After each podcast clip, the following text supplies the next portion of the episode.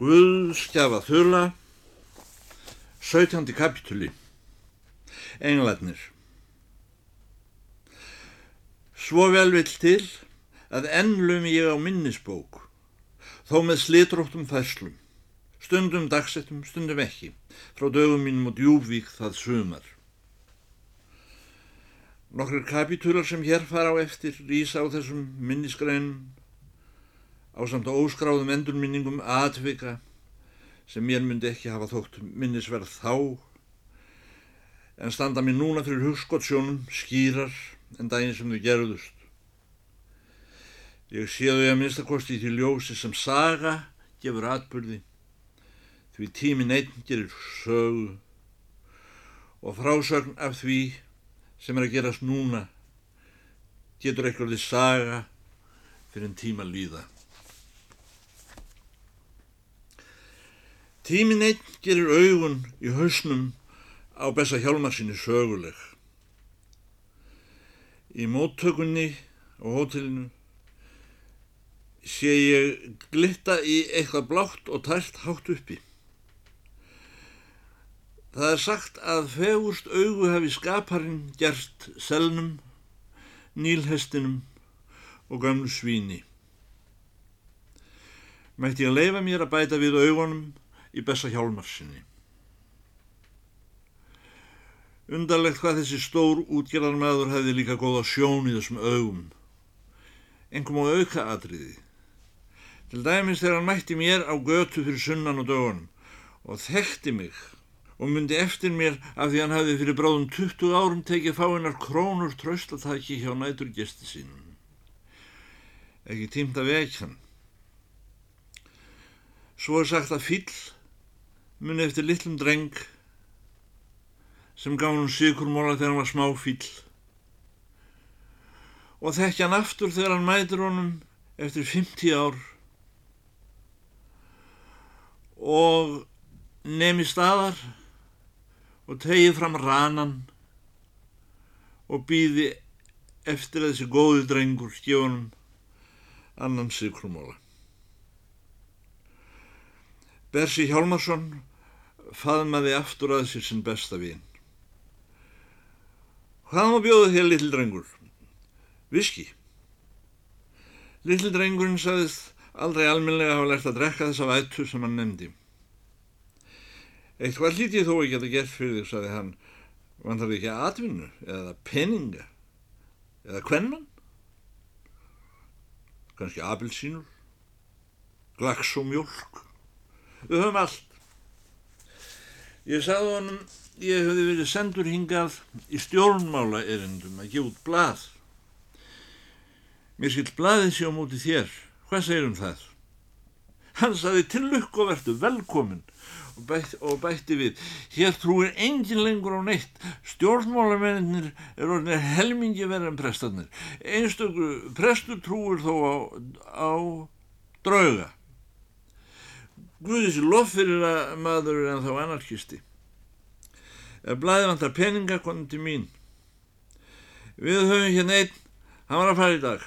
Hann var reynd fyrir takk.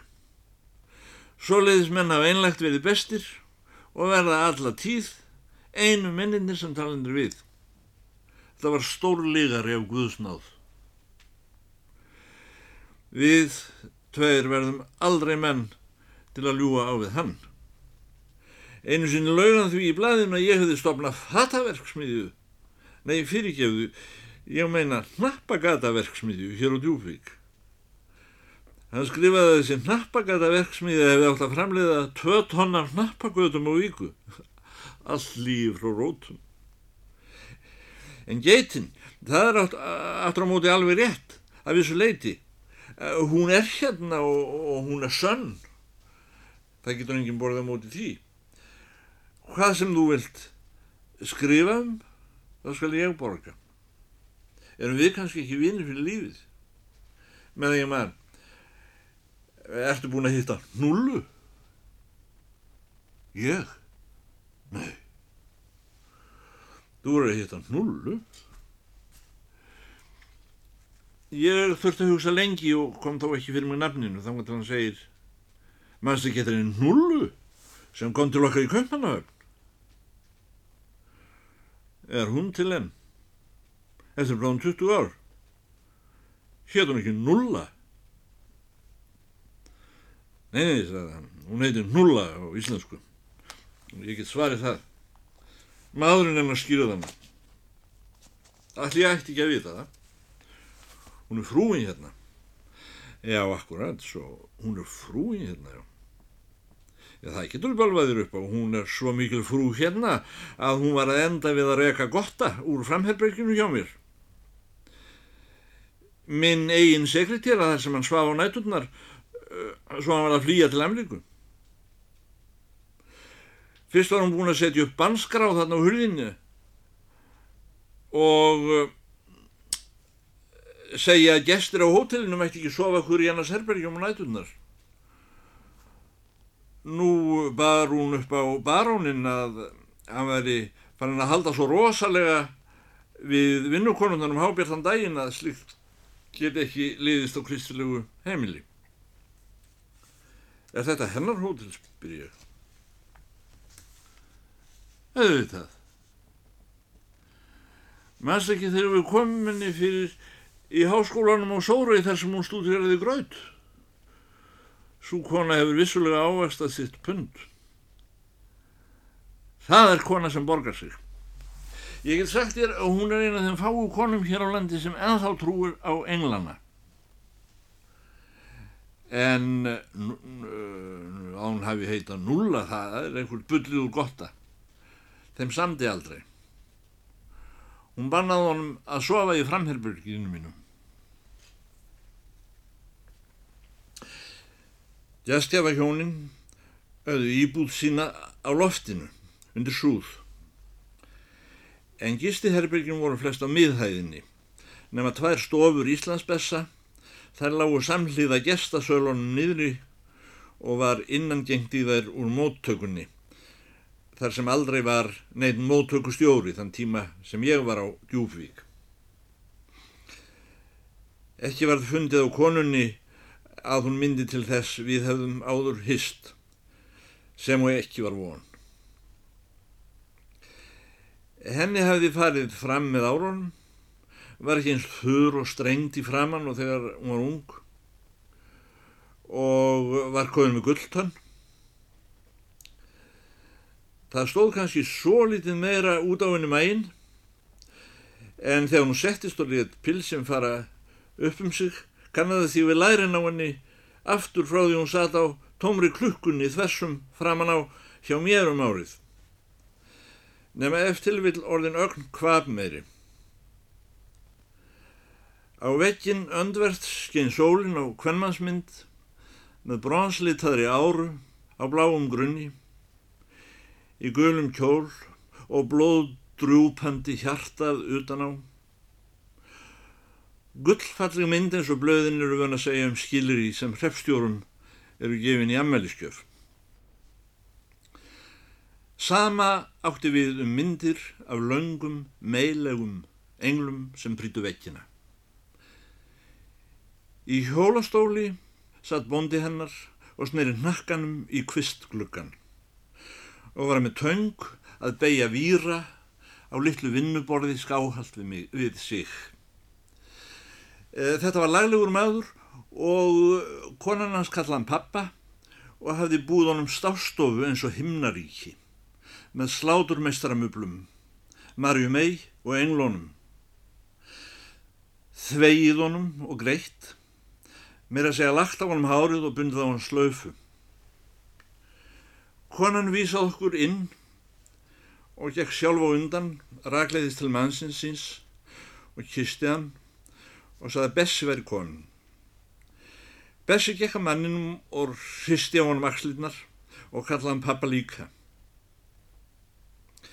Ég var látin helsa manninum og hann sagði eitthvað brosandi við mig sem ég fekk ekki hend reyður á en ég fann af handtækinu að hann hafði fulla handastjórn en það var hold rýrnun í hendinni.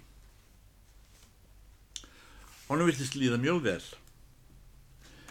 Íslands Bessi síndi mér smíði mannsins en hún var áframhald af dyrðinni á veggjónum. hann var að búa til výrgrindur í englabúka og englavengi sem hann klætti síðan með lérefti eða jæfnvel silki og þannig trauðan þetta upp með sægi eða bómul að ég held. Af sérstakri nattni þurfti að beigja innviðina í englavengjunum svo þið líkist eins og hjóninsöðu því þau voru naturalistar. Þú kannast við þennan mann núla, segir Bessi við konuna og meina mig. Nei, en ég veit að það er nýriðstjórn. Því ég hef verið beðin um nýjan dífanandunum, svarði hún. Skelvingar fólk orðið minnislöst, saði Bessi. Hvernig er hægt að reyka hótel og gleima öllum jafnóðum? Mestum verðt, ég held að hann hefði fengið betri dífan en sá gamli var, sagði konan. Vonandi verður blaðið skára.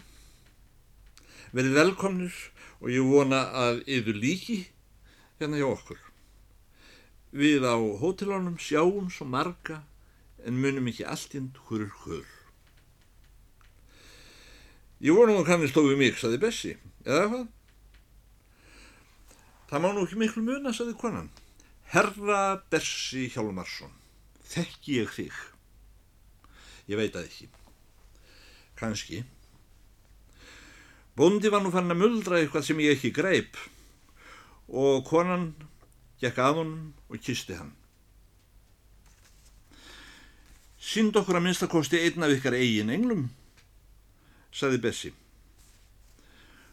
Konan kom með tvoða þrjá fullgerða engla að sín okkur og bóndi hennar sagði eitthvað englafræðilegt sem ég skildi ekki. Konan virtist vera afskaplega hrifin að þessum englum. Íslands Bessi var að sínuleiti upp með sér að hafa listrænan gestjafa. Mér fannst ég ekki að hafa neina skildur gagvar þessari konu sem svo ókunnulega hafi tekið við mér og fyrir bræðið hafi ég öngva tilneyingu til að taka þátt í neittni uppgerðar loðdýrð um engla. Ég álpaði út úr mér. Englar eru að sjálfsögðu mjög merkileg dýr. Bondi fór að flissa og sagði heilmikið og konan kom nær honum að hagrætu honum í sætinu og kisti hann. Það kom lítilsáttar titringur í Ístruna og Íslandsbessa. Hjólatnir á englum hjónana náðu oflant niður fyrir výrtætnar og vangirnir uksu út úr þeim og neðalega á búknum í samanbyrðu við síkilda engla. Bóndin hjælt áfram að tala og mér skildist hann væri að byggja forláts á að sínir englar væru ekki eins útsmógin sköpun og útlendu englarnir á vekkmyndunum. Hann væri enn ekki nógu langt komin í listinni. Jú, jú, sagði ég, þetta er ágætir englar hjá yður. Það, það er bara eitt sem ég hef á móti englum yfir leitt innlendum sem útlendum. Þeir fljúa loðréttir, eins og jötnugsar. Svo vil til að ég er kunnur í fugglum en englum hafið þið tekið eftir því að einhver fugglar fljúa loðréttir? Hvað myndi ske ef fuggl flýi loðréttur? Eh, Neytið er þá að tilsíu englar, spurði konan. Nei, sagði ég, en ég neyta því að englar geti flóið loðréttir. Loðréttur hlutur getur undir öngum kringumstæðum klófið loftströmmin. Ef engil eða nokkur önnur skemmna ætlaði að fljúa loðrétt, myndi hún falla til jarðar um leið. Vangir myndu aðeins verða þeim til trafala, nema þeir flýju láréttir og gætu dreyið fæturna upp í búkinn með þeir væri á lofti. Ef þeir eru á framalega, við skulum segja þeir vaksi út úr herðablöðunum, þá er búkurinn óðar orðin lóðréttur í loftinu við flugtak vegna þingdalögmálsins.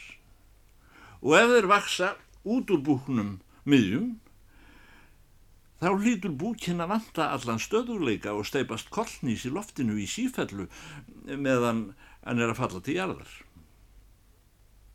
Ef venginnir er átt á móti að hafa þeir á skónum eins og sumra forngvöða var síður til að mynda Merkurs, þá er það sama hugmynd og synda król með fótónum einum. Það er hægt í vatni, já. Fæturnir hafa þá sama hlutverk og skrúfa í skipi. Það gull líka vera hægt að hafa loftskrúfa á afturhlut á fljóvél, en þó því aðeins hún sé knúin af aflvél sem yfirbugar mótstöðu loftsins markfaldlega.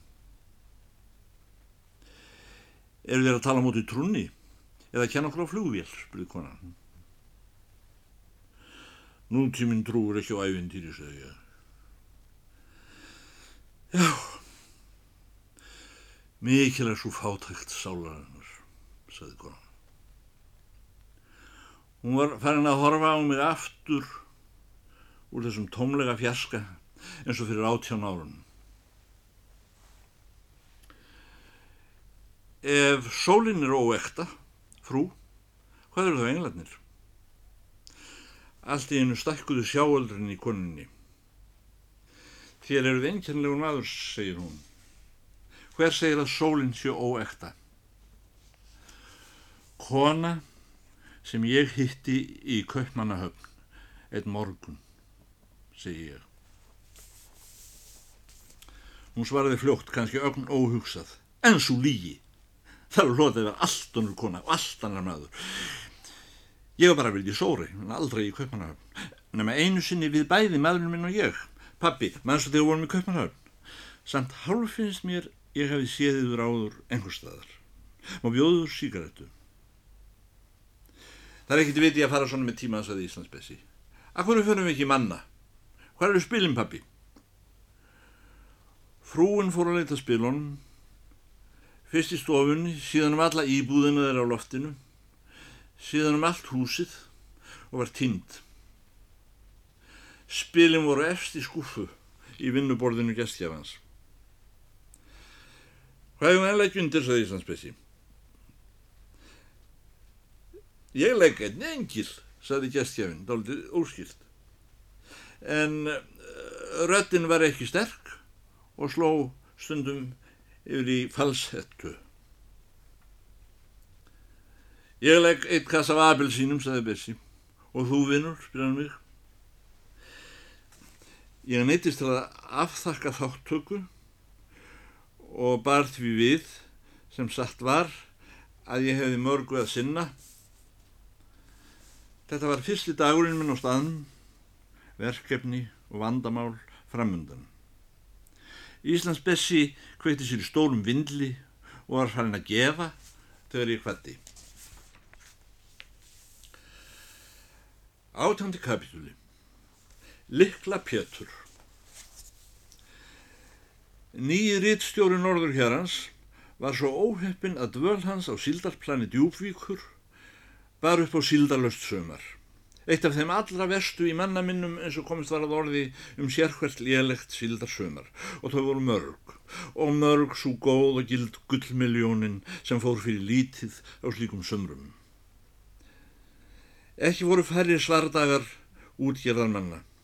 Að þetta skildi verða síðasta sinn sem þeir kostuðu til erfiði, hugviti og fjármunum ríkisbankans til að eldast við sveikula skeppnu að því tægi sem af Íslandingum var aldrei talin til fiska. Sumarið eftir var þó spilafíknin komin í leitinnar á réttum tíma og til taks á sínum stað í brjósti útgjaraðurinnar Til að mynda gátu engin gjaldþrótt fælt Bessa Hjálmarsson frá þessari skemmtum. Mörg góð gullmiljónin flöð líka af góðu sömrónum. Þannig að síldarfólk svalt ekki. Botnilur kom í kassa ríkisbankans og hækkaði brúnin á útgjörðinni. Því miður get ég ekki státað af því að hafa lífað dásemdir sem jóku þessum norðurhöfnum orðstýr á borð við óperuballið í Vín og kjötkveðju hátíðina í Nissa. Ljómi þessara staða á sjálfsagt eftir að lifa í brjóstum útgjörðarinnar eins og þjóðsaga um soknar álfa kirkjur eða fyrirmyndar pútnahús. Þryggja effa sild, feit, fögur, fræg. Aftur á móti get ég með nokkrum sanni sagt að ég hafi á þessum tveim mánuðum lifað svikallerið á undan storminum. Það er satt, síldarplanið á Djúbvík var ekki neitt astralplan, ekki einu sinni þetta þuðra sumar sem ég var þar. Og leðjan náði valla nokkun tíma herrin í skóðvörp á bryggjunni. En það var ekki heldur þið neðsta allra helvíta. Sálarfræði síldarinnar hefði einlegt verið útkjörðinir ágátt það og duttlungar þessa fisks voru almennt dregnir í dilk með óþekkt í krökkum eða dindum í hvemfólki en samlíkingar skýrði ekki málið. Oft var gripið til þess ráðs að spyrja Bessa Hjálmarsson. Þegar bladamenn ringdu það sunnan og spurðan um síld, reyndu þeir að hafa á hraðbergi þá fyndni sem þeim var tiltæk á dönsku og einhverjum var í því falinn að spyrja sjálfur og láta aðra menn svara í dálkum bladsins undir áhrifum og dönsku slettum átnasálu á geitastekk jafnvel með danskri beigingu tilfærilega fornapsins að viðbættri tilvíks íslensku úr mentaskólanum, einhvern veginn þessi svona. Aðspurður hvaðast Æsland byr, jú ekki vita af hverju Norðurlandsildin væri ekki mætt í þessu tilvíki. Hverjar mentur þungið væri sko, það er skú, 150 miljón tonn hvar sem hún myndi vera staðsett. Bladatilvitnum líkur. En ef bladamenn heldur áfram að þvæla við bessa um þessa skeppnu, lagði hann gætna fyrir þá skemmtilegan leirburð eftir Hannes Stutta eða Pál Þorkilsson Gullsmið og oft var svo torsóttur að menn þurftu fullt mjölkurglas af Æsland kokteil ef þeir átti að skilja eina vísu og gott ef ekki nokkra skengi af viski í ofanálag. Kafteinn Egil D. Grímsson hefur í ríti sínu, Sildarsaga mín, skrifað svo um þetta málefni, blæðs 150 áfram. Það er ólígin saga og bera það allir sem tilfektu að Bessi Hjálmarsson hafi þrátt fyrir mörg axasköft sín verið sá maður sem hér á landi virtist hafa skignigáðu og sagnara anda um allt sem síld áhræði. Axarsköft hans stöfuð af skemmtun þeirri sem hann hafiði af áhættuspili og veðmálum en ekki af því að hann vissi ekki betur. Þetta síldalleisis sumar á djúbvík get ég sem þar var eftirlitsmaður af hendi bankans borðum að hvenar sem Bessi vissi að hafrannsóknarskipin útlandu voru nánd þá var hann æfinlega í skeitasambandi og talsambandi við þau og þegar þau komu inn eftir vatni og vistum satt hann sig ekki úr færi að hafa tal af vísindamönnum sem þar voru innan borðs og hjælt þeim veislur á hótel Djúbvík jafnframt tí sem hann skipulaði fundi með þeim og útgjörðamönnum staðarins. Hann sagði við mig þetta sumar. Hér verður að vera fast sildarleitarskip fyrir ströndinni, alla vertíðina, útbúið í það að fara vestlundir Grænland, norður að Jan Mayen og austlundir norður Noreg og leita hann uppi ef því er að skipta og helst flugvél líka. Því hún er þarna, sagði hann, mörg hundru miljónir tonna af henni, Norðurland stopnin eins og hann leggur sig. Það tjóar ekki lengur að senda út einhvern pung sem gáur bara að því hvar hvalurinn heldur sig og svartbakurinn. Því síldin er vitur skeppna og þegar hún vil hafa næði heldur hún sig ofta á dýpi þar sem hvalurinn ekki botnar og svartbakurinn sér ekki bön þó hann væri með loni eftir að bankastjóra. Ég byrð vel að virða þó ég get ekki stilt mig um að hafa gamanirinn eftir bessa og einlagt voru þannig löguð að þau meittu öngan. Bessi talaði stundum um halvvekk, átti hann við halvvik eða hálverk og var hann heldur mótsnúin halvvekki og hafði það í nýðurlægindi merkingum. Til að myndi heili hann einu sinni snemma á árum segja maður kemst ekki langt með einhverju sveitamanna að halvvekki ringin í kringum sjálfansi á Pólarhafinu og segja baulaðu nú Silla mín eða úr náttúrulega á lífi. Silla var í þá daga tekið upp eftir norðmörnum sem sögðu þið komir ann på Silla. Radar og sónar, sagði Bessi Hjálmarsson. Uh, nokkrum árum setna bætti Íslands Bessi þessu við sitt fyrra spagmæli. Við verðum að gera pólarhafið að radarhafi og sónarhafi. Við Bessi skrifar Egil D. Grímsson slóum marga brínuna um síld og síldveðar. Oft sagðan eitthvað á þessa leið. Ef við ætlum að veiða síld af alhug, megum við ekki vera frumstæðar í, hugsun en síldin. Radar og sónar eru verkfæri sem tví miður voru uppfundin handa stríðsbjánum, svo þeir getu haft hór upp og öðrum í kafsiglingum. Það þarf sérstakt lag til að ná í þetta. Þessir anskotar halda öllu lindu fyrir manni ef eitthvað gagnir í því. Gotti segir maður verða að gefa DuPont-familjunni skilri af leifi hefna og ég hef vel gauga tvíhöfða kálfi að herfóringja ráðunum, annars ég ekki tala við mann. Í radar sjálf gegnum þóku, vatn og myrkul djöful minn, sagði hann við mig, því hann kallaði mig alltaf djöful. Og í sónarnum heyrir eitthvað voðalegt, skjálfilegt öskur í djúbinu. Hvað er það? Mannlegt eira heyrir ekki neitt sem vit er í, fremur fyrir daginn. En í sónar heyrir þau öskrið í miljón tonnum af síld að hveða rýmur. Þegar ég var strákur, það var rífist um hvort síldin veri handa botnvörpumönnum eða sköpuð fyrir snurrivóð. Síldin fyrirlítur hortveggja álíka mikið og mann með öngul. Norðurlandsíldin er aðalborinn skeppna bæði að fegurð og vitsmunum, kannski það dásamlegasta sem Guð hefur skapað. Flótvarpan gengur miðsæfis og er sá hátindur í síldveðum nútímas sem hæfir Norðurlandsíldinni og það er net eitt allra neta sem næri henni hver sem hún leynist í sjónum. Sama hvernig viðrað og hvort það er heldur nótt eða dagur. Og til að draga hann upp úr sjónum er kraftblökkinn það eina sem hún ekki fyrirlítur.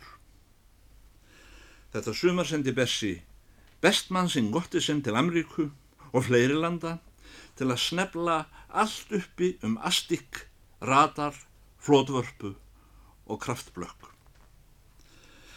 Á næsta sumri var búist við því að fjöldi af sildarverksmiðum sem nú voru í smíðum myndu verða fullreistar og komnar í gagn með fram norðurströndinni. Nú dögðu engin klámhögg lengur í þessum atvinnuvegi. Hérðanaf var það veiða rétt og afla vel og bræða mikið.